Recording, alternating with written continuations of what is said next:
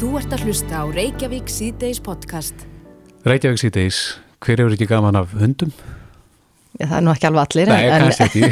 En, En hundar eru mögnu dýr. Já, þau eru það. Og hérna við sjáum það í fréttum vísvegar í dag að, að lögreglan í Finnlandi er að nota hunda á flugullinu, þetta er eitthvað tilhörnaverkefni á þeim Mhm. Og tilhörnum gengur út af það að finna COVID-smittað einstaklinga. Og mér skilist að þetta sé bara nokkuð nákvæmt. Já, þetta er líka svo, sko, þeir sem hafa farið í sínatöku vegna COVID-19 vita að þetta er ekkit sérstaklega ánægileg upplifun. Nei, þegar að, að sínatöku pinnanum er, er uh, stungið upp í, upp í sko, nefamun. En þetta tekur við bara tíu sekundur og er algjörlega óþæginda laust. En hugsaður að, að þetta tæti bara tíu sekundur fyrir hundin að, að finna einstaklingin Mhm. og mér skilst að þetta sé bara mjög nákvæmt. Já, en hundarnir í Helsingi, Mhm. þeir hófu störf í dag. Já, Þetta er tilraunaverkefni þarna, þarna í Finnlandi. já. Mér skilst að uh, yfir laurugluþjóðnin hjá lauruglunni á Norðurlandi vestra, Stefán Vagn Stefánsson, uh, sé mjög hrifin að því að, að fá slíka hunda hingað heim eða hvað, sætt Stefán? Já, sæl. Jú, við höfum verið að skoða þetta. Lauruglustjórin á Norðurlandi vestra sem er með yfirumsjón með þjálfun og úttöktum á lauruglu hundum og löggæslu hundum á Íslandi og, og í upp að faraldu sinns núna í, held ég að verið í mars að þá komust við í samband við kollega okkar í Brellandi sem voru byrjar að gera rannsóknir á þessu og, og, og hérna sem lofuðu góðu og við verðum að fylgjast mjög nái með því. Þannig að þetta, við vissum líka af uh, verkefninu á háskólanum í Helsingi. Þannig að við höfum verið að skoða þetta já og þetta, er, þetta virkar mjög spennandi. Já, ég sé hérna í frétta að það er talað um að sko það þurfi bara vikulanga þjálfun fyrir þessa hunda að, að geta greint munnvassíni smittara frá munnvassínum þeirra sem eru ekki smittaðir. Þannig að tilur þetta að vera raunhafan kost bara í náinni framtíð eða hvað? Já, sko, það, það eru tvær leiði sem menn, menn hafa verið að skoða í þessu, sko. Það er annars vegar eins og mér skilst að sé verið að gera í Finnlandi, það sem að það er tekin munnvarsínu og hundarnir látnir skanna sínin. Mm Og það er, eh, tekur ekki langa tíma að þjálfa upp hunda í því. Ef þeir eru, sem sagt, forþjálfaðir, það tekur ekki langan tíma að þjálfa það upp í að finna þennan, þessa lykt sem er að þessum, þessari veiru. -hmm. Uh, Bretarnir er að skoða bæði þetta og, og aðra útfæslu að, að hérna, raun og veru að vera með hundana bara í flugstöðin Já, og þeir geti þefað upp í lykt af flug, farþjó. mm þannig að þegar að fólk gengur framhjá. Já, Já, bara þegar fólk gengur framhjá að þá séðu með hundana og þeir eigi að geta fundið lykt af viðkomandi síðan, síðan með verið nýsir. þetta hlýtur að vera hraðvirkari leið og náttúrulega niðurstöðun koma bara strax að það er ekkert að býja til þeim. Já, samkvæmt uh, því sem við höfum frá, frá Breitlandi þá er verið að gera ráð fyrir því að hver hundur geti uh, þefa svona cirka 250 sínum á klukkutíma. Já, já. og, og hérna og þetta er alveg rétt sem því að nákvæmni er mjög mikil í þessu verðist vera. Hún er ja, hátt í, eða milli 90 og 100% Mm Þannig að það eru ímsar útfæslur í því ef menn, menn vilja vera ennþá nákvæmari þá geta þeir náttúrulega verið með tvo hunda og látið að fara hver á eftir öðrum. Tvöfaldar skeimun. Tvöfaldar skeimun, ef orðaða þannig. Þannig að það eru ímsir möguleikar í, í, í, í stöðinu en, en, en þetta er klálega mjög spennandi kostur að mínu viti og, og eitthvað sem að, sem að já, við erum að skoða og erum að skoða ennþá betur finnst þetta fyrst að finnarnir eru konur á staði þetta. Já, en væri þá eitthvað því til fyrirstöðu að, að nota hundana á annar staðar en á landamærum til dæmis á stórum viðburðum eða öðru slíku þar sem að, að já, COVID-smittar getur leinst? Nei, sjálf sér ekki sko. Fyrst og fremst höfum við nú verið að horfa á þetta verkefni sem verkefni á landamærum. Og ég held að það væri nú skynsanlegast að taka, byrja þar ef menn velja það að fara á staði þetta. Uh, en, en í framtíðin ef það reynist ganga vel þetta verkefni og eins og ég segi þá er náttúrulega ekki títi fyrstu að fara með þetta, fara með þetta annars. Já, en það er verið að þjálfa hunda í að finna allar anskotan ánast. Hva, hvað, hérna, hvað hefur þú heyrt um? Já, sko, sem dæmi að sá skóli sem við erum í, í samstarfi við í, sem er Metropolitan lauruglan í, í London þeir hafa verið að þjálfa í, í, að leita eftir blóði, eftir lífsínum, eftir peningum, eftir raun og veru getur þjálfað hundan í að finna nánast í allt og, og, og, og þessi stofnun sem að núna er í, í þessu verkefni í Breitlandi og raun og veru upprunni verkefni sem sé rætur að rekja til þess að menn voru að gera tilrunni með að láta hunda segja upp í malaríu í Gambíu. Já, já. Og, og það var einmitt svona, þá var bara að fara með hundana inn í hverfin og, og þeir, þeir þefuð upp upp í veiruna sko. Er þetta dýrir starfsmenn hjá lauruglunni? Nei, þetta er ekki dýri starfsmenn en, en auðvitað kostar þetta allt saman peninga og, og þú lætur hundan ekki starfa eina það þá ætla að vera einhver með þeim sem þjálfar það og leið beinir þeim. En þeir eru afkasta miklir, heyr ég? Já, gríðarlega afkasta miklir og... Og spara tíma? Já, gætu gert það ef að þetta gengur eins og, eins og menn er að vona þá, þá er þetta mjög fljót, fljótvirk leið til skimunar og sín. Mm. Er, telur raun hafa möguleika á að ráðast í þetta og hver þarf að taka þessi ákvörðun? Ég sko, ég, ég held að sé mikilvægt að menn fylgist aðeins með því hvað er að gerast í Finnlandi og ég veit að brettarnir eru konin mjög langt á veg með þetta líka þannig að það kemur ekki óvast að þeir myndi fara á stað með, sína hunda mjög fljótlega. Mm -hmm. Hvað, hvað þurfum við þér langan tíma? Þar að segja það þarf vantilega að velja hund og, og slíkt og er þetta þjálfan hér heima eða þarf að þjálfan úti?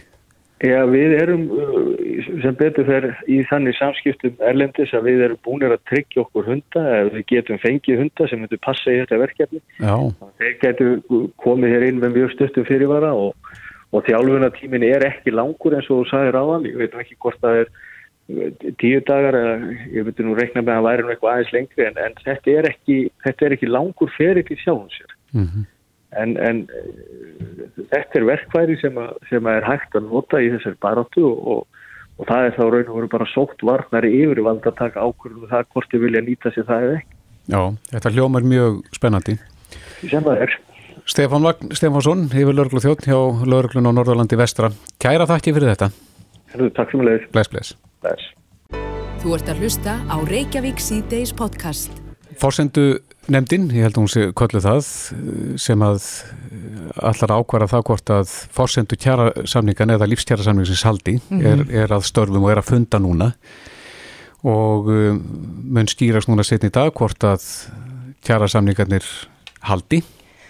Já, Bjarni Bendiktsson saði nú í fréttum í gæra að efnaðslega forsendu fyrir áframhaldandi kjarabata væri brostnar. Já, akkurat. Kjarabóta, afsaki. Mm -hmm. En, og samtöku atvinnlýsins hafa einni gefið út, að, að, út af áhrifum frá kórunum veru faraldrinum mm -hmm. væri ekki forsendur fyrir bóðum launahækkunum í lífskjara samningi. Nei. Þetta er... Já, einn af þeim sem komað gerð lífskjara samningana var uh, Viljami Birgisson, verkefliðsleitögu á Skaganum, kontur sæl. Já, komið sæl.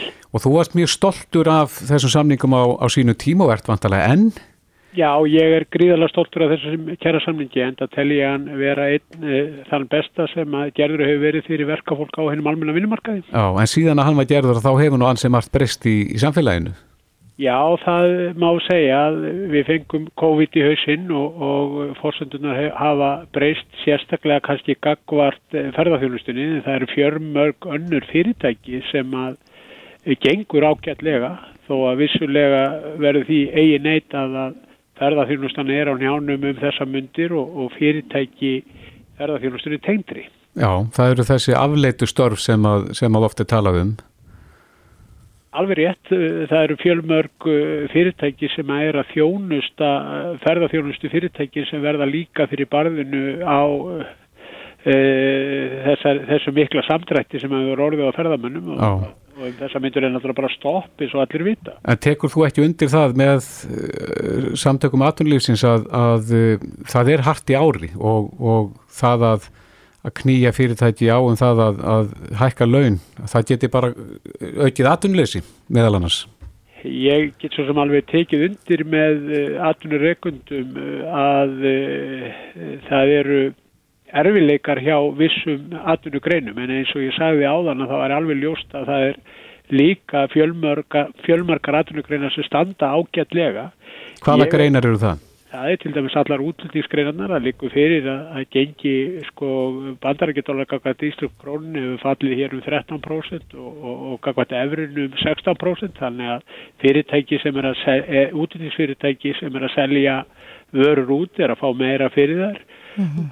þannig að það er greinar standa ákveldlega e, þetta eru náttúrulega bara atrið sem að þarf að skoðast göngjafilega og sérstaklega kakvært ferðarþjónustunni hvernig er hægt að finna lausna á hennar vanda. Við skulum heldur ekki gleyma því að íslenski skakkreðendur hafa tekið þátt í því að, að eh, hjálpa þessu fyrirtækjum eins og í gegnum hlutabótaleðina ég get nefnt uh, uppsagnarfrestin, það er búið að setja 8 miljardar til fyrirtækja til að hjálpa þeim varðandi uppsagnarfrestin þannig að -hmm. þetta, eru alltaf atriði sem að íslenski skakkreðendur og endanum munu þurfa að greiða fyrir. En er hægt að koma til móts við fólk með einhverju, að einhverju leiti ef að, ef að forsendur fyrir lífskjærasamningum eru brostnar, væri hægt að haldunum í einhverjum stjettum en öðrum ekki? Ég held að þetta sé alltaf atriði sem að þyrta að skoða uh, gungjafilega. Ég held að það sé til dæmis ekki gott fyrir uh, vestlun og þjónust og aðrar atvinnugreinar ef að laun verða tekin af launafólki um næstu áramót það mun hafa alvarlegar aflefingar fyrir þau fyrirtæki sem að reyða sig á að fólk haldi áfram að halda út í enganislunni. Það er alveg ljóst að ef að fólk fær ekki sína launahækkanir þá mun það hafa einhverja aflefingar í förmessi fyrir, fyrir, fyrir fólk. Mm -hmm. Við getum líka sagt hvað á fólk að segja sem að verður fyrir fórsundu bresti, missir atvinnun og annars líkt getur það eh, tilkynnt sínum banka það allir bara ekkit að greiða sínum lánum næstu hvað, 6 átjál mánuði án þess að það hafi neinar afleiðingar. Eh, það er í raun og veru það sem að atvinnulífið er að fara fram á núna við launafólk að það bara fá ekki sína launahækan í x marga mánuði og ég velti því fyrir mér hvort að hvort að það myndi nú fá góðan hljómgrunn ef að, e, ef að heimilinn sem að lenda í fórstundu bresti myndu gera slíka gröfu á fjármálakerfið. Mm -hmm. Þannig að þú e, tekur undir það að, að launa hækkanir yfir línuna þær séur í rauninu úr sögunni þannig að það þurfi þá að vantarlega að velja hverjir hækka og hverjir ekki? Já, það þarf að finna, finna það og það mun aldrei koma til greina að við munum afsal okkur launahækunum, það mun aldrei koma til greina. Yfir línuna? Yfir línuna. Ég nefndi í eh, apríl aðra leið sem að hefði verið hægt að skoða og reyna þá að útfæra sko kakvart þeim aturugrinnu sem að lenda í þessum vandræðum og svo leið lauta því að lækka tímabundi mótframla aturureganda í lífrisjóð en halda launahekkunum eh, það er einhver leið sem að fólk myndi ekki finna fyrir og einni en einn hátt. Ég var að nefndi töluna 3,5% að lækka mótframlega í tímabundið. Það Þetta fjalli gríktan jarðveg innan verkefliðs hreyfingarinnar og þú sagði meðal hans úr er það ekki ASI Jú, jú, ég, ég var ósattu við það því að ég tel, tel það líka vera okkar hlutverki verkefliðshreyfingun að reyna að verja störf. Já.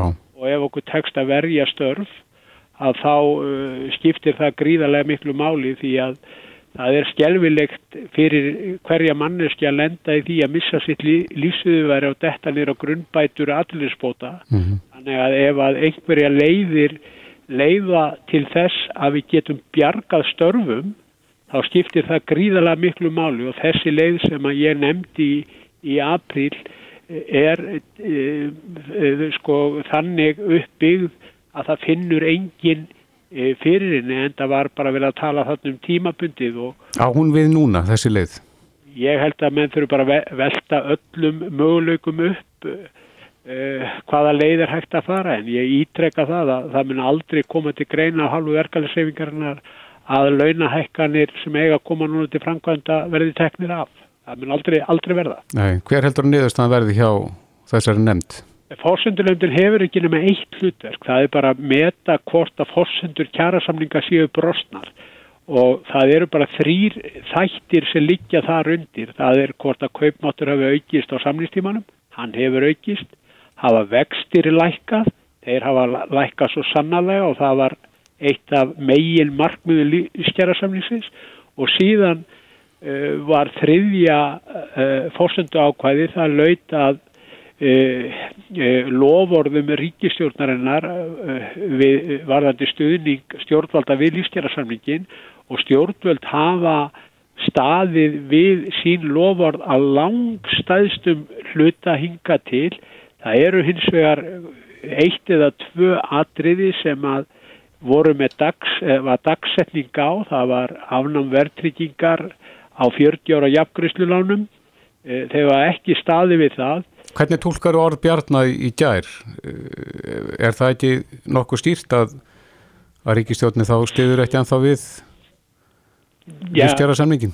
Ég held að sé alltaf þannig þegar menn undirrita einhvern e, samning og það gildir um okkur öll. Ef við skrifum undir einhvern samning þá verður fólk að standa við hann. Þannig þannig gildir það og ég held að sé engin ágrenningur um það að stjórnvöld alltaf standa við lífstjærasamninginu og þau áheit sem í honum eru hvort að það takist innan þess tímarama sem að við ætluðum okkur.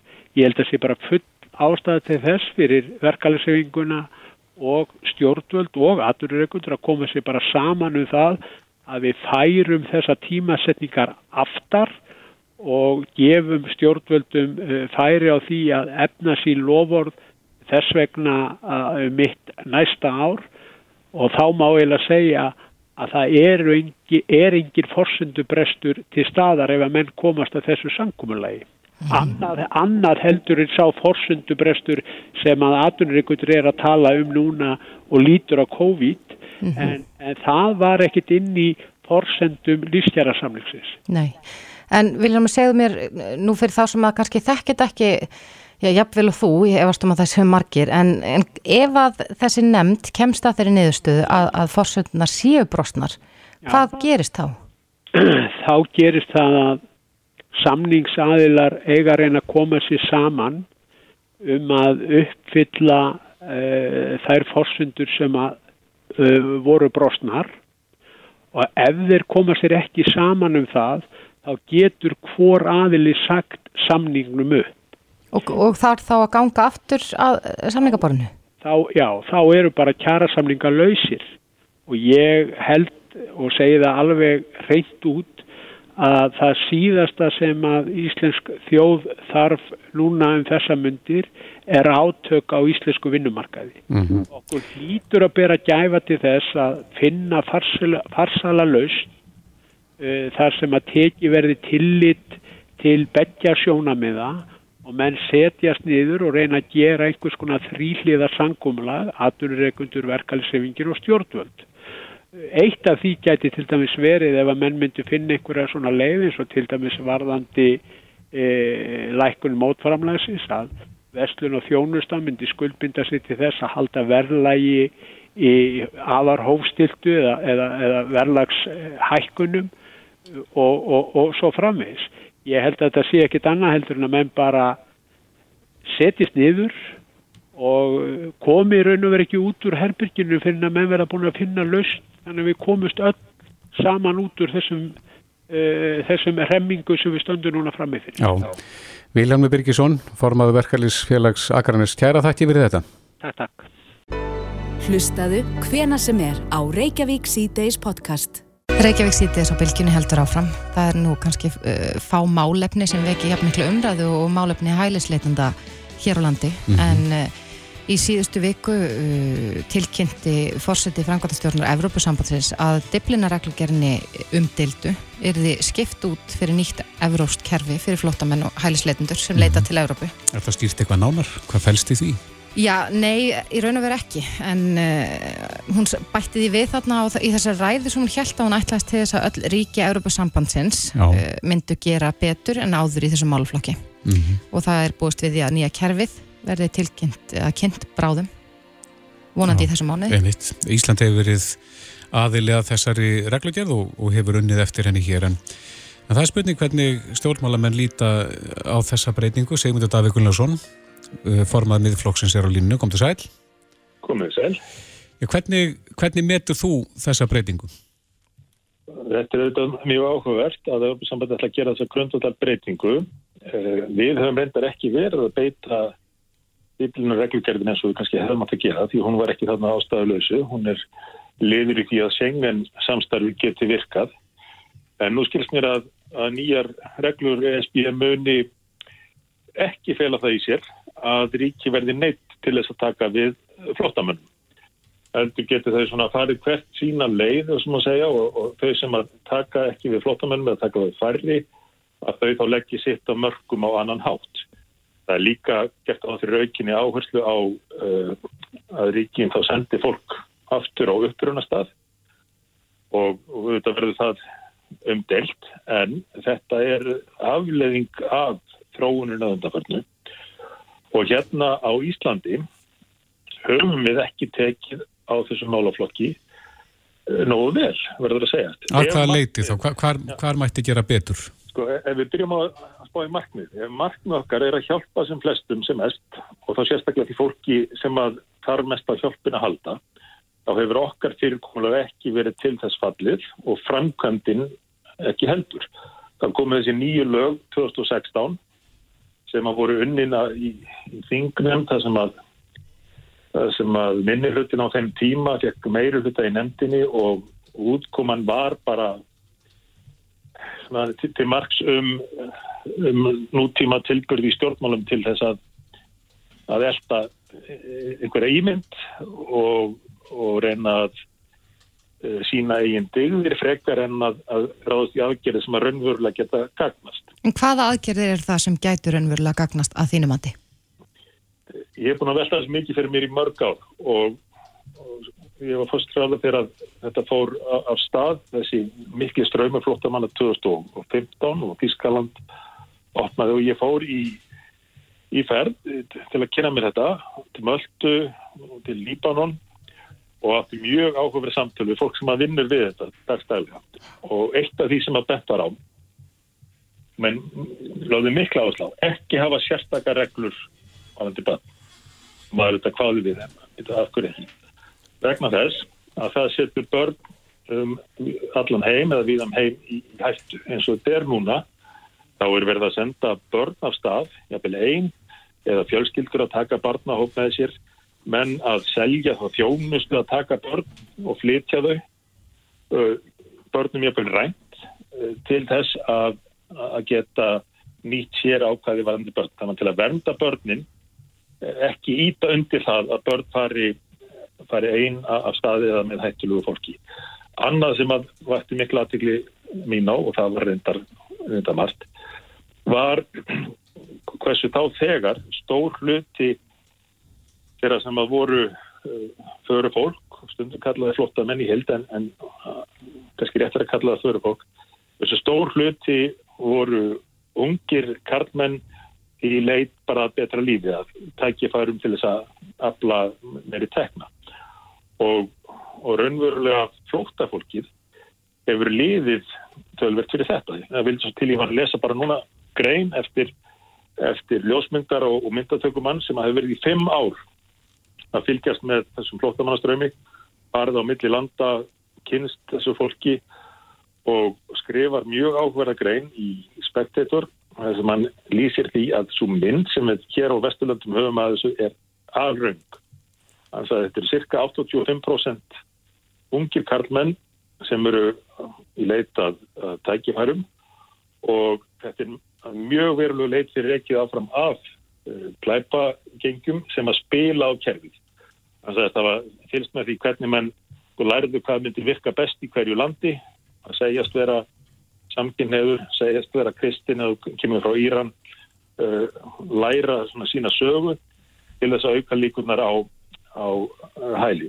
En, en hvað þetta varðar er vandamál hjá okkur líklega helst málsmeðferða tímin því að það er auglýst. Þetta, það eru reknað Facebook síður um þetta og upplýsingarna streyma um allt um hvernig staðan í hverju landi og það er auglýst sérstaklega sem kostur ef að þú getur náðu að tryggja þig langan málsmeðferðartíma.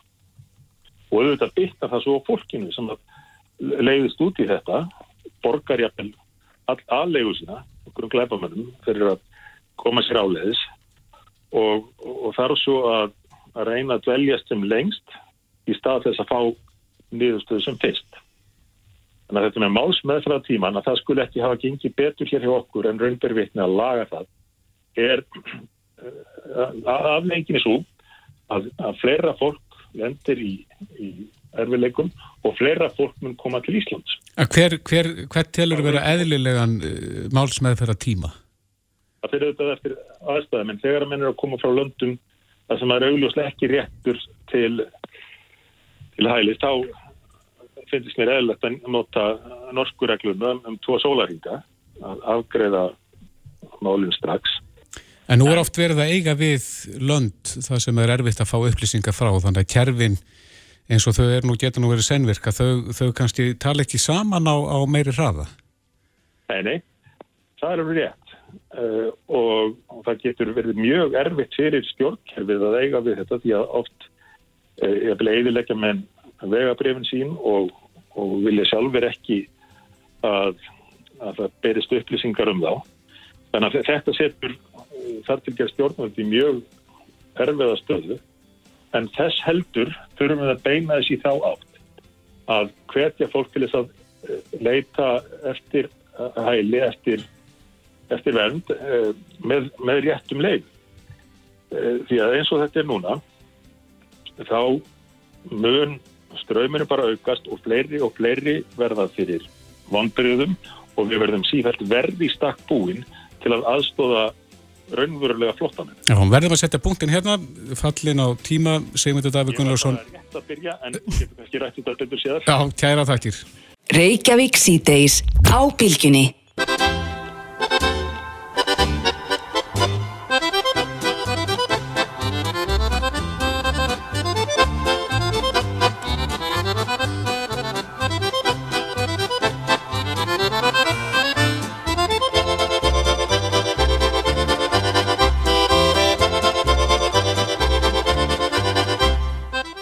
Skrifað um málefni tónlistar svona kannski ja, afþreyingar stíl tónlist afþreyingar tónlist í, á vísi í dag.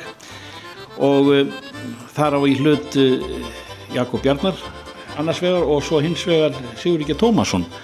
Einna frumkvölum útvarps á Íslandi og, og einu sinni starfsmaður Bilgjunar fyrsti morgun hann í Bilgjunar meðal annars og, og lengi vel í fórustu sveit þeirra sem að ráku rást tvö. En nóðum það. Og, þú hefur öðrum nöppum að nepp í dag. Sportgengillin eh, tókið minn sem dagskræðstjóri rást tvö. En e, þið komið inn á skemmtilegan punkt og það er það að, að það að aðfreying fyrir eldri borgar og gamla fólkið það er alltaf harmonika, skottísar og rælar og annað slíkt eh, sem að þú telur vera tímaskerkju aðeins. Eins og þú þá ólst ég upp sko, ég held að fyrsta lægi sem svona verulega reymig fyrir utan eitthvað sem ég herði af rockmusik og jazzmusik hjá el elsta bróðu mínu hafi verið You Better Move On með Rolling Stones 64 og eiginlega bara smitaðist ég þá svo rækilega að það hefur ekki verið aftur snúið Nei. og mér fannst alltaf sko eh, harmonikumúsík æjæjæj Karljó Larbo og félagar eða þískir listamenn syngja og leika Já. Þetta bara þetta var það hallaristlegast sem var til mm. og, og var bara eins og við munum báðir alls ráðandi sem einhver afþreyingar músik hérna alveg það kom til rástvöður stofnun mm, við náttúrulega hlustuðum þetta á Kanan mm. á uh, Radio Luxemburg ég meiri segja fann mér upp aðferð til þess að heyra betur í Radio Luxemburg með því að nota þakið á húsinu þar sem við byggum sem loftnet fyrir miðbylgjuna og þá tröflaði hana ekkert bara. Og en, en, við, en sko þessi, þessi harmonika og, og karlakóra menning þetta, þetta var eitthvað sko sem að bara, ég veit ekki það, einhver afar okkur á ömmur mm. voru að lusta á. En nú er þetta yfkað að mér skilst í, á ellihimilm í dag að, að sé bóðu upp á tónlist þá, þá er það nú ósjaldan dragspilið og, og harmonikan og, og, og þessir gömlu dansar kannski með. Harmonikar eru þetta eins og þú þekkir mæta vel ágætis hljóðfæri. Og ég hef svona í sittni tíð komist yfir þetta ofnæmi sem ég fekk og auðvitað gerði maður alltaf grína þessu þegar maður var að vinna í þessu. Sko Geir Kristensen, hann eh, tæknum maður í útvarfinu, hann átti fullan skápa af harmoníkumúsík að vísum með ímsum öðrum munum mm. í því sem við kalluðum Samt Geirs Kristensen. Það verður ekki farið nánar út í það nei. en við, við gerðum alltaf grína þessu. En svo reyndar lærði ég nú betur að kunna þetta söðurameríska argentíska harmoníkan til þess eh, hérna hún er allt öðruvísi og ég fór að hlusta heilmikið á tímubili á, á söðurameríska músík og tangoa og líka á sko finska tangoin að, og þar var harmoníkan líka notuð allt öðruvísi mm. og þá svo sem tók ég hana nú í sátt en þá held ég nú að vinum með geir hafi verið dáin eða eitthvað eða bara, eða minnst okkur hættur mm. En þeir sem eru á elli heimilum í dag eh, sko þeir eh, eru náttúrulega svona hugafarslega og ef maður er að tala um afturringu og að, þá, er, eru Rolling Stones eh, og You Better Move On og, og, og, og þessi fyrstu lög þeirra sem að káðu við í heimsbyðinni þau eru jafnvel sko þeir sem eru nær okkur í tíðinni eiga meira erindin en á dansiball hjá eldriborgurum í dag. Já það er eiginlega svo leiði sko. Og eh, ég meina við ég, ég man ekki hvað við vorum gamli tokki þegar að þið spiluðu hjá Kings í, í Östubæðabíó 14-15 tokki tempo. Og, og bravo bítlarnir frá Akureyri. Já, þetta voru uppbytuna böndin já. Ég teiknaði fjóra miða á þessa tóleika og Baldvin, frendi minn Jónsson, hann komst nú ekki að þessu fyrir bara í fyrra held ég eða eitthvað svo leiðis mm, mm. ég þekkti hann ekki þá annars hefði ég sjálfsagt reynd að krýja út úr húnum miða út á frend, frendskapin mm.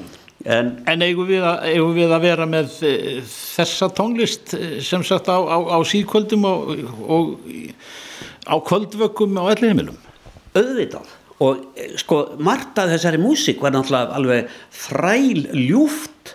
Já, ég, meina, ég minnist bara á Donovan og, og Dylan og, og eh, ég meina jafnvel djöflin á til ljúfa tóna.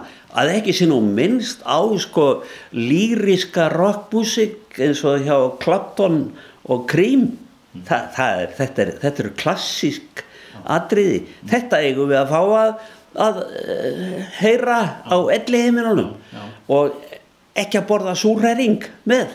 Nei, nei, nei, nei. Hann á við með uh, polkonum og, og, og, rælunum. Já, ég held að sko, ég held að súræringur sé svolítið skottísmatur. Mm. Er einhver von til þess sigur að maður ég vil svona segja þegar við förum þarna inn og að kvöldvöggunar verða, verði öðruvís í læginu en, en með nikkunni sko þessari þessari rótgrónu hundgamlu sko e, og við fáum þá nýri músik ég vil yngre en Kings, Rolling Stones og, og Beatles. Já, ég sko segi nú stundum líka því að ég hef nú hlusta lengi á, á sko bæði popmusik og alls sko það sem kom í kjálfari sko ég segi stundum eins og einan már vinnu minn, hér er allt í höng hér vantar meira pöng og og ég hlustaði líka á pöngið sko og náði því. En auðvitað eru til snillingar á harmoniku ég nefni bara vinn minn Reyni Jónasson. Sko ég myndi vilja heyra í honum Reyni sko. Hvena sem er og hefur reyndar gert. En, en uh, það þýðir ekkert útilokkan einn hljóðari en það það er eins og fólkið sko sem að stýrir þessu daldið ég, ég má nú ekki kannski alhæfa en stundum er eins og það haldið að við séum sko öll fætt á 19. öldinni en, en það, það fólk er dáið það er bara dáið Já. Við þurfum að vinni, vinni í þessu sigur að koma menningalegri uh, leirreiting á í aðþreyingamálum ellheimilana Já, gerum það Reykjavík síðdeis á Bilginni podcast. Reykjavík síðdeis, í gær var uh, alþjóðlegu dagu tákmálsins mm -hmm. við rættum þó, tákmáli kom svolítið við sögu símætti með okkur í gerð Algjörlega, og nokkur sem ringdu inn, eitt sem sá okkur frá því að, að, að sýstir hans væri heyrnalus og, og önnu sem ringdi inn og í raun og veru förða að sjá því að, að batnið hennar sem fór í, í skóla fyrir heyrnalusa mm -hmm. að sko fóreldrarnir voru ekkert hafðir með í ráðum hvað tákmáli var það? Nei, þeir átti ekkert að kunna tákmál Nei, nei, nei. En við höfum líka eh, oft í þessum þætti í gegnum tíðina svona viðra þá hugmynd hvort að það ætti ekki að gera meira því að koma tákmál inn í skólakerfið. Akkurat. Og það er náttúrulega æðislegt ef að fólk bara allir íslendika getur tala tákmál. Það myndir nú opna heldur betur hérna, heiminn fyrir þá sem heyr ekki. Mm -hmm. Ef þið geta stílið alla og allir stílið þá. Kannski er þetta ykkur útópía en við fengum síðan uh, stíl, stílabót til okkar þar sem okkur var sagt að foldaskóli væri með eitthvað tilurni í gangi núna Já. þeir var að kenna uh, krokkum sem að heyra tákmál. Já, mér skilta þetta sé á úrlingastígi mm -hmm. en á línun er Hulda Marja Magnúsdóttir deildastýra úrlinga í foldaskóla kom til sæl. Já, sæl. Þið eru að kenna tákmál ekki satt? Jú, eða við erum sagt, með í bóði sem valfag hér á úrlingastígi fyrir 9. og 10. bekk mm -hmm og við sem kennum þetta ekki sjálf þetta kemur til, þetta er samstagsverkunni milli, það er samskiptamiðstu heyrnalausra og heyrnarskerstra sem að kennararnir koma þaðan. Og þau gerðu samning við skóla og frísnöndsvið í Reykjavík. Þannig að þetta var bóðið í öllum hverfum í Reykjavík. Mm -hmm. og við bara stykkum á þetta rosa spennt. Og erum núna með tvo hópa fyrir áramót, tæmlega 40 börn sem er í þessu. Já. og ég veit að, að núna í Reykjavík það eru fyrir utan okkar tvo hópa þá er einn hópur viðbútt í öðrum skóla mm -hmm. og verða síðan fjórir hópa til viðbúttar eftir áramót annars þar. Þannig að það greinilega er áhugi fyrir þessi hjá nefndum. Já, hvernig gengur krokkunum að læra takmálið? Heyri, þetta er þetta bara mjög nýla að fara á stað. Við byrjum bara núna í byrjun september mm -hmm. en þetta verðist koma vel út og það hefur verið þannig að, að börn sem voru ekki skráði í þetta hafa ég að byrja óskað eftir eftir að kennsla hófst hvort það sé möguleika bætast í hópin. Þannig að það er ánægi hjá börnunum og mér finnst líka mjög gleðilegt að kennarinn sem er frá samskiptamiðstöðinni, hún er mjög ánæg með hópan okkar líka. Þannig að það er bara gagkvæm ánægi í þessum tímum og þetta virðist fara bara mjög vel á stað. Hafa krakkarnir eitthvað talað um það í hvað þau geta nýtt þetta? Þeim, þau hafa bara alveg sagt, þeim finnst þetta áhugavert og ég, einhver leiti held ég að tengist því að þau kannski þekkit ekki, þetta er eitthvað svona forvitni, finnst kannski spennand að læra eitthvað nýtt, þetta er eitthvað öðruvísi. Sem þekkja ták með tali frá leikskólum, það er svolítið nota þar. Mm -hmm. og séu kannski fyrir sig að þetta eitthvað, sé eitthvað svipa því. Mm -hmm. þannig að en þetta er bara, ég, mér finnst eiginlega bara verst að geta ekki setja allar tímana sjálf sko, því ég myndi ekki alveg vilja taka þátt. Já, hvað, hvað segja kennarinn, hvað er maður lengi að læra tákmál?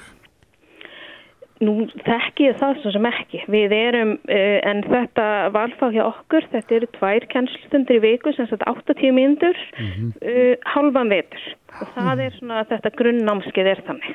Og verðið með þetta bóði líka eftir áramót fyrir, fyrir áhugasum börn? Uh, þetta verður reyndar, við látum velja fyrir allan veturinn, þannig að allir sem völdi þetta eru í þessu núna. Mm -hmm.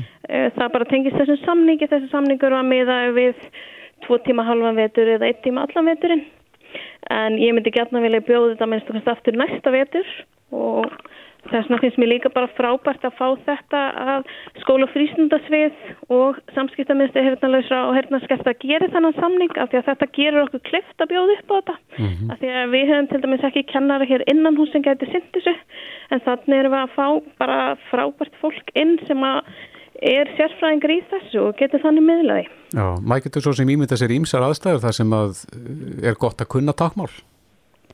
Já, algjörlega. Ég tók sjálf svona valfög henni hérna í framhaldsskóla og eins í framhaldinu með tjá samskiptamiðstöðinu námskeið og bara í alls konar af því að Íslensk tákmál er náttúrulega móðurmál hernalösa og það er viðkend móðurmál hernalösa og þar alveg til lendir fólk kannski í því sem er hernalöst að það getur ekki tjáð sig á sínu móðurmáli og þarf alltaf aðstóð bara jafnlega það er að fara í banka eða fara út í búð mm -hmm. þannig að það lendir væri mjög gaglegt ef fleiri gætu allavega gert eitthvað smá þetta er svona eins og þegar maður talar um að, að kunna svona hrappl í einhverju tungumáli mm -hmm. og þetta er bara þeirra tungumál, þeirra móðumál. En sérðu fyrir þér að í, í framtíðina þá getur þetta auksanlega bara verið stildu fag að, að læra takkmál í, í skóla?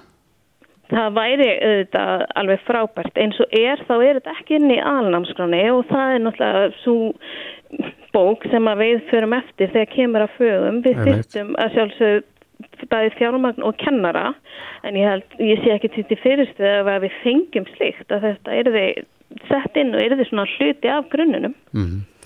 án þess að ég ráði svo sem neinum það Einmitt, en þetta er að slá í gegn hjá ykkur í fólkdaskóla, það er, það er ásókn í þetta.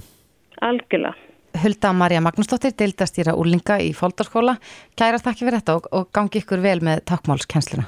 Já, takk sem er leiðis Reykjavík síðdeis á Bilginni podcast. Reykjavík síðdeis og bylgjunni. Ég held að það sé nú ekki allir endilega sammála um það hvernig geima í matvæli. Nei. Við til dæmis rættum þetta í gær og, og þú geimir smjörið út í glugga. Mm Ég geimi það nýskap. Íslenska smjörið, Já. ekki smjörið, því að smjörið það verður svo ofbósla hart ef það gengt í nýskap. Já, en ég bara einhvern veginn hef á- áhyggjur af, af því að það gerist eitthvað ef ég geimi það ekki í nýskap. Já, Þetta er kælivara. Það má vel vera ég segi að gera ykkur að bölvaða vittlisu, og svo er líka sko, það er, það er fleira sem fólk deilur um. Það er til dæmis tómatar. Já, Ég geimi ekki tómata í kjæli. upp á borði. Já, Já, og svo sko egg til dæmis, já. tómatsósa. Gemur egg upp á borði. Nei, sko, fólk deilir um það hvort Já, það eigi að geima þetta við stofheita eða í ískap. Já, hvort það sé lægi að geima eggin, semst ósóðinn og Mhm. óunnin við stofið þetta eða hvort það verði að setja þenni í ískap. Já, Og svo er spurning með eins og mjölkuvörur, ef þú, ef þú gleymir bara nýmjólk á, borði, segjum bara heilan morgun, Mhm. bara einhverja fjóra-fimm tíma, er í lægi að taka mjölkin og setja hana svo inn í ískap? en hvað myndir þú gera? Ég myndi gera. Já, ég líka. stjall inn í ískap Já. en um, það eru vantarlega einhverja viðmiðunarreglur varðandi þetta Já, á línunni er Svafa Líf Edgarsdóttir hún er fagsviðstjóri hjá Matalastofnun komdu sæl, Já, komið sæl. já þú heyrir svona í hvað áttu við erum að fara Já, já. uh, ef, við, ykkur. já, ef, við byrjum á, ef við byrjum á smjörunu bara íslenska Já. smjörunu, má, má geima það fyrir utan ískap Sko, má ekki málum. Það, uh, líklega er þetta flokkast þetta sem kæluvara. Já. Það eiga að geimast almennt við 0-4 gráður. Mhm. Og uh, þannig að það er nú kannski það sem að, að neytandi þarf að passa upp á fyrst þegar hann er að, vesla í matinn að hvort að varan sér kæluvara eða ekki. Mhm. Og þau geta gengið úr skuggan það bara við innkaupin með að skoða merkingar. Já. En En, þýðir það að eh, þessi kæli var að, eh, eitthvað ákveð að, að eitthvað slæmt gerist ef þú setur Já. hann ekki kæli? Já, það, það getur gert það sko, en, en kannski nú svona almennt ekki kannski, þá eru ekki svona uh, hættulegar örfuru sem eru að, hérna, að vaksa. Nei. En oft eh, eins og varandi bara sú, súra mjólkuvörur og svo lesa, kannski súrna, Mhm. en varan verður ekkert hættuleg þegar að hérna, þóttum gera það, eða allavega að, eh, sem sagt, uh, þú finnur það á bræðin og, og, og þetta verður ekki geðslegt þegar að, hérna, að, að, það er svona sjálfhætt eða raun og veru Já, sko. hún verður kannski bara orkuríkari, ég veit það ekki. Já, það er svona sem mjölkusýrgjart að þeir eru almennt ekkert mjög hættuleg. Nei, Nei. en er það, ætti maður að nota það sem einhverja svona viðmiðuna reglu að, að já, bara þefa af matnum og horfa á hann á, áður en að hvað til þess að gangur skuggur maður sé læman? Sko, það eru svona tvennskonar form á með gensljósmerkingu að, að þegar, þegar matvörur eru merta með best fyrir merkingu, það er svona merkingu um lámaskemsluþól Mhm. og hún uh, sko gengur aðalúta að meta gæði en kannski ekki endalega öryggi matvæluna Já, og þá er, það, þá er það svona spurning hvort að var hann haldi gæði sínu, hún er ekki að þotna, þrána eða, eða súrna. Mhm. sér einhver svona bræði lítabreitingar og þá, það er í lægi almennt að selja vöru eftir best fyrir dagsningu ef það eru þá í neysluhæfu ástandi. Hversu lengi bara- eftir? það, það er oft talað um eitthvað svona 40% eða eitthvað svo leiðis að tímanu sko. Ef að það eru líka geimda við réttar hérna geimsluhúsastæður sko. Mm, Þannig að óopnu mjólk sem er komin yfir síðasta söludag, já. Það- og ef hún hefur ekki orðið fyrir mikill eh, breytingu að hitast í já, að skiptir mjög miklu mála að halda kælukæðinni réttri að, að, hérna, að verða ekki fyrir miklu söflum. Nei, við tökum bara dæmi, mjólk sem er Já. komin viku fram yfir síðasta söludag, Já, er hún í leið? sko, það er náttúrulega alltaf framlegandin sem á að gefa þessa mer merkingu Já, og, og hún sko uh, og þeir meta það hvort að hún, hún á að halda sínum gæðum fram, fram með þá merkingu. En oft eru þessar best fyrir merkingar á svona vörum með mjög langt geimslu þól og kannski svo sultur og þurfur og, þess áttar mhm, og þá er nú í lagi kannski að selja það eftir, eftir síðastu nesludag en ef þetta byrjar varan líklega að súrna eitthvað kannski eitthvað fyrir heldur en já, já, kannski svona stuttu eftir já, það, er, það er allavega ekki, ekkit svo hættulegt sko. en aðeins eftir með mjólkina, viku fram yfir síðasta söludag, myndir þú persónlega treysta þér að drekka svoleiðis mjólk? um, Já, sko ég veit nú ekki alveg hvað mjólk er gefið langur geimslóðstími Nei. það er nú ofta ekkert kannski nema vika þá ertu alveg komin í 100% kannski meira en, Já. en, en, en ég held að sé allt í lagi að fara einhver, einhverja daga fram Já, já. Ekki skalegt Sérstaklega nóg að því vorum að tala um svona tvennskona form og geimslóðsmerkingu Mhm. og svo er það þegar, þegar vara er mert með síðasti nótkunnadagur og það eru þá matur sem eru svona yfir kælifur sem eru mjög viðkvæma fyrir örveruvexti og Já. þá geta sko sjúkdómsvaldandi örveru verið að fjölga sér á þessum geimslóðstíma Getur nefnt okkur dæmi um slíka maturu? Já, þetta geta verið eh, svona ymsa kannski álegg og það er oft talað um grafin og rétta fisk í þessu sko að, Mhm. hérna, að, að, að, þá á, má ekki selja þær vörur eftir síðasta nýsludag og það er reyndar allar kæli verið með stýttir en fyndaðgjenslu þá, þá á að merkja þannig en, en þetta er yfir svona vörur sem eru örfurfæðilega viðkvæmar eins og vorum að tala um hérna hann að Og hinn almenni neytandi þekkir alveg munin á þessu tvennu, fyrir ekki? Fyrirgefðu. hinn almenni neytandi, getur hann alveg séð munin á, það stendur þá síðasti, það sen, stendur síðasti notkundagur og, og, og þá, þá, á, þá á ekki að neyta vöru eftir þann dag. mm Er það Að best þá getur fyrir við ekki eða? alltaf treyst á skinnfærin sko. Nei. Þetta þarf að, þannig að það er þessi best fyrirmerking sem að hún er svona sett kannski til þess að koma í veg fyrir matarsóun með það í huga. Já, En, en, en síðasta notkundag á maður ekki að borða vörur. En ég hjóða þess í það áðan að þú sagðir sko kæli keðjan, ekki satt? Já, já. og þetta er eitt sem að, að ég hef oft velt fyrir mér og hefur heyrt áður eins og til dæmis með egg ef þú kaupir egg uh, sem eru geimd í kæli út í búð Já. að þá ámar að geima þau í kæli heima, er eitthvað til þessu? Já, sko, uh, þá, já, sko, þau eru gemt hjá framleiðandunum og það er svona kjörhitti talað um eitthvað 8 til 12 gráður. Þau eru mjög viðkvæm fyrir hittast í sveiflum, sko. Yfirleitt þá, þá eru þau gemt svona kannski nála törðu í, í hérna grammeitiskælum eitthvað slíkt, sko. En, en uh, ef að þú ert að kaupa egg sem eru geimt í kæli við mjög látt hittasti og þá er kannski eins gott að geima þau þá bara áfram hérna eh, inn í ískapið sama hittastig. Það er eiginlega kannski hitta söfluna sem að skipta mjög miklu máli. Já, þannig að ef þú kaupir úr kæli í búð þá setur þú ekki upp á borð heima hjá þér? Verða að fara í ískap nei, enda það ætti nú frekar að geima þau þá kannski frekar í grammetis hólfið eitthvað slíkt en, en, ekki, en ekki kannski á borði. Eh, Það er það sem er vest við þetta kannski er svona þegar verður rakamyndun á yfirborði, þú veist eða þjættist rakin og, og, og, og ef það væri salmonella á skurðinu eitthvað þá hún auðvitað með að smjúa eins og Já, þess vegna er hún svolítið viðkvæmari fyrir svona sérstaklega sprungur í ekkjanum. mhm. en, en hvað með grænmeti og ávegsti? Já, uh, sko, ná, kannski ekkert mikið, það, það eru við yfirleitt, ég held að sé mjög misjátt, sko, uh, kjörhittastig á því og, og þá eru við ekki að hugsa um öryggi matalana, heldur, heldur bara svona gæði. Þannig að þá er þetta bara svolítið samspil af bara ensýmvirkni, síðustíu, hversu vassriku er og fleira, sko. En og það, það er, yfir, þú sér það á eh, yfirleitt á grammeti og, og, og ávistum hvort að við farin að mikla eða úlna og, en, en það aðmálu í því er kannski bara skóla vel svona salat og svo leið sko. Já, getur það passað að skóri grammeti og gemi kæla allavega já, getur það passað að bananar eigi að vera upp á borði en eplin í ískap uh, já, ég þekki það nú kannski bara frekar persónlega Já. hérna, uh, þetta er oft svolítið erfitt með grammeti að geima það við ef, ef, að þú, ef að þú ert bara með eitt kæli sko. en, en, en ég, dó, dómata til dæmis og agúrku mjög vel á borði. Já, geimast vel á borði.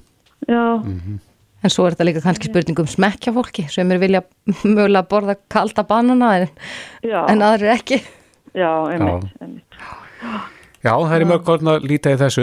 Uh, Svafa Líf Edgarsdóttir, fagsviðstjóri hjá Matarastofnun. Kæra þakki fyrir þetta. Já, þakka ykkur fyrir. Bless, bless. Bless.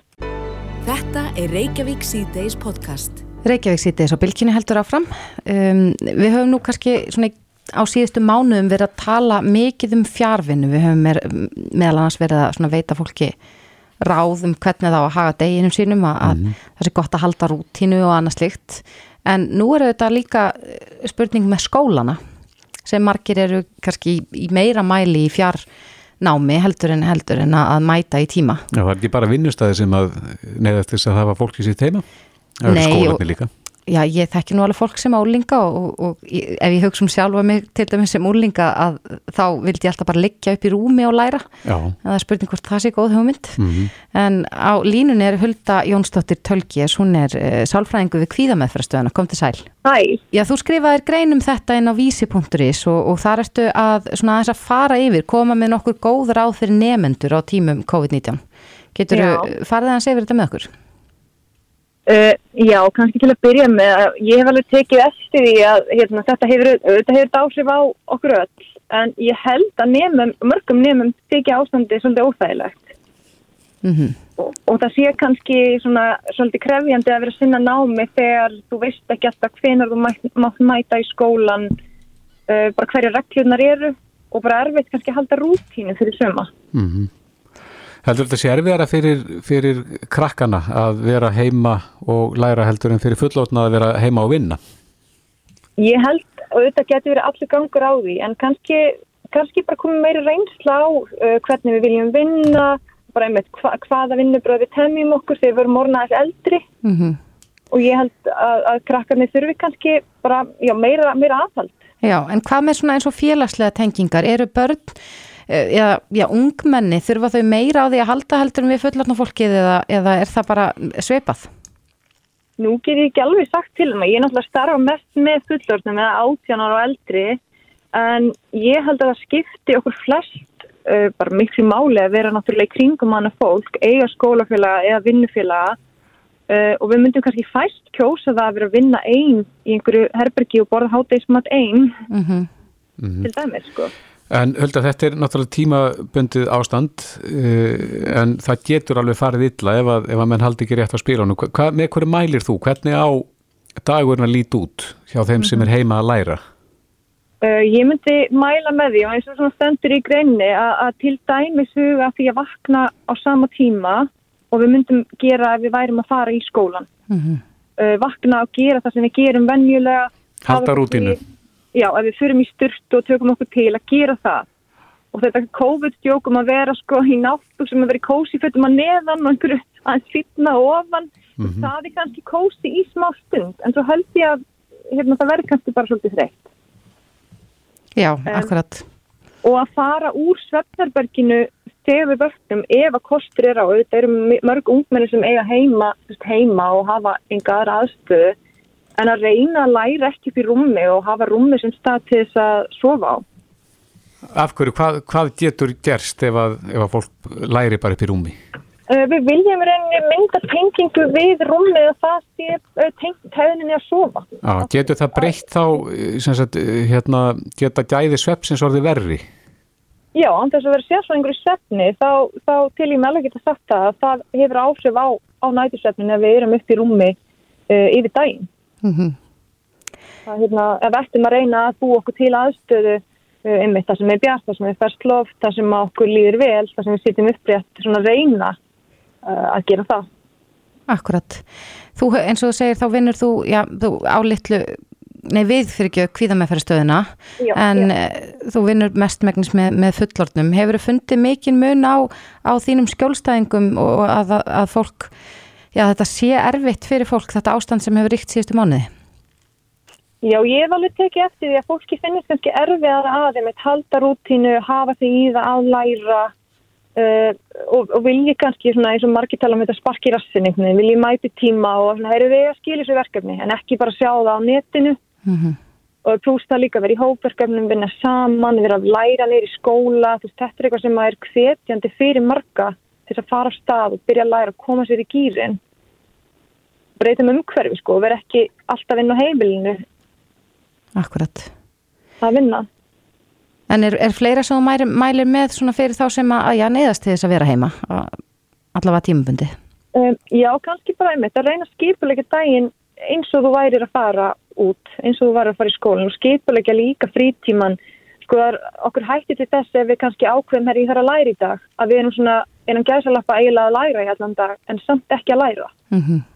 Skiljið, þannig, þannig að fólk svona, já, ég ætla að vera í allan dag, þannig ég ger ekki neitt annað en ég lærið samt eil ekki neitt. Og maður svona, ok, hvað er maður ákveða á milli klukkan x og x þá, hérna, á milli klukkan 2 og, og 4, þá læri ég, eða milli klukkan 10 og 12. Og svo ætla ég að fara í rættina, eða ég ætla að fara út, eða gera eitthvað annað. Akkurat. Já, það er í mörg hortna líta hvað þetta varðar en, en þetta eru góð ráð fyrir þá sem eru í námi á tímum COVID. Hulda Jónsdóttir Tölkis, sálfræðingur hjá Kvíðameðfrastöðinni. Kæra, kæra þakki fyrir þetta. Takk fyrir þetta. Þetta er Reykjavík C-Days podcast. Á sunnudaginn verður fremsýnd ný uh, þáttaröð Mhm. hjá á stöð 2 og ég held að ég að miða við sko kaffistofspjalli sem ég átti á þann, það er mikil spenna fyrir þessum þáttum sem Já. heita Júrógarðurinn. Þetta lítur vel út, svona það sem að maður hefur séð.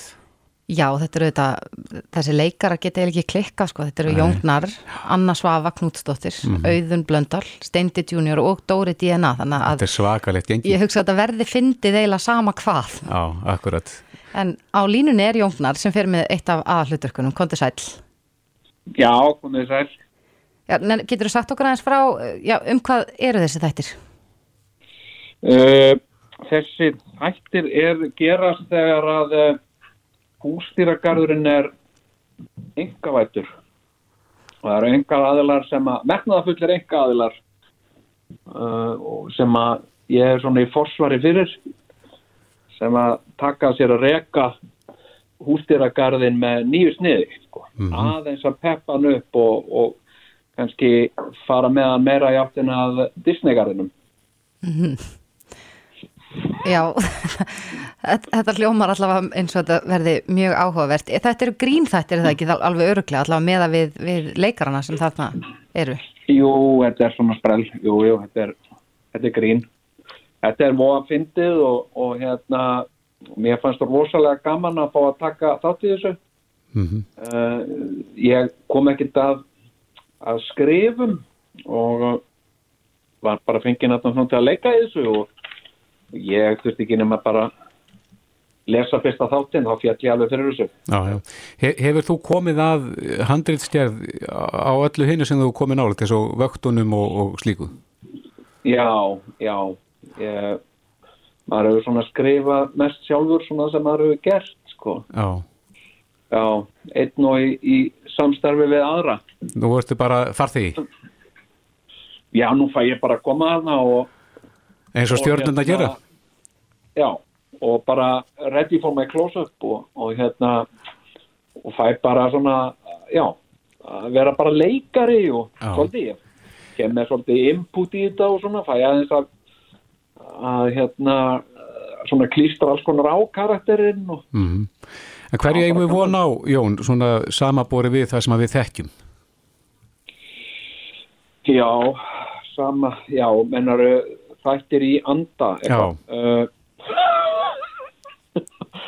þetta, þetta er, uh, þetta er ógæstlega fyndið og uh, ógæstlega skrítið líka, sko. Það er margt í þessu mjög súrt og uh, uh, en það er nú höfunda einkenni fólksins sem kemur að þessu líka.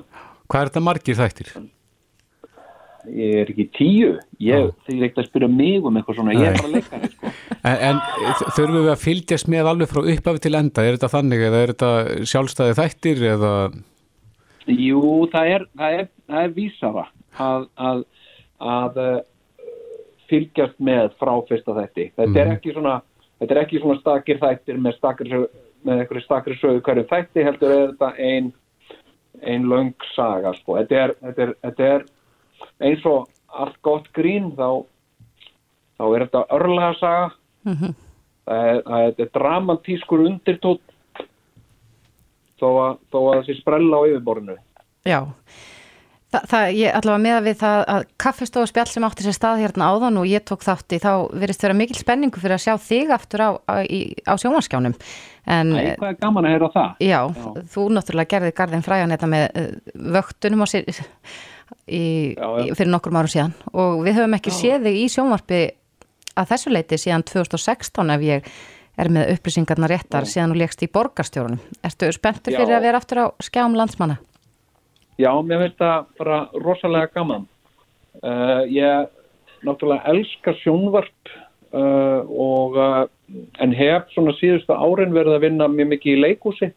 Mhm. Bæði verið í borgarleikúsinu og þjóðleikúsinu og uh, já, stundan, stundan nú nám við Listaháskóla Íslands og þannig að svona það er svona kannski svona leikhússtrákur sem að hefur verið að taka sig upp í mér.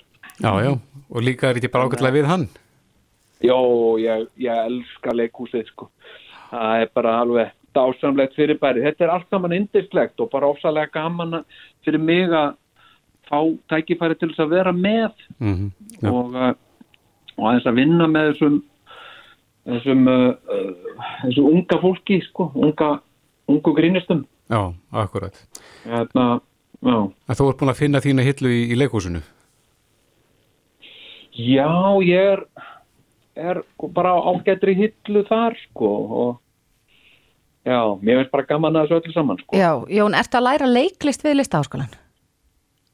Uh, sko, ég er í alþjóðlegu mastersnámi í sagt sviðslistum Já, með, með áherslu á, á hérna leikritun, handritsker og leikritun. Já, já.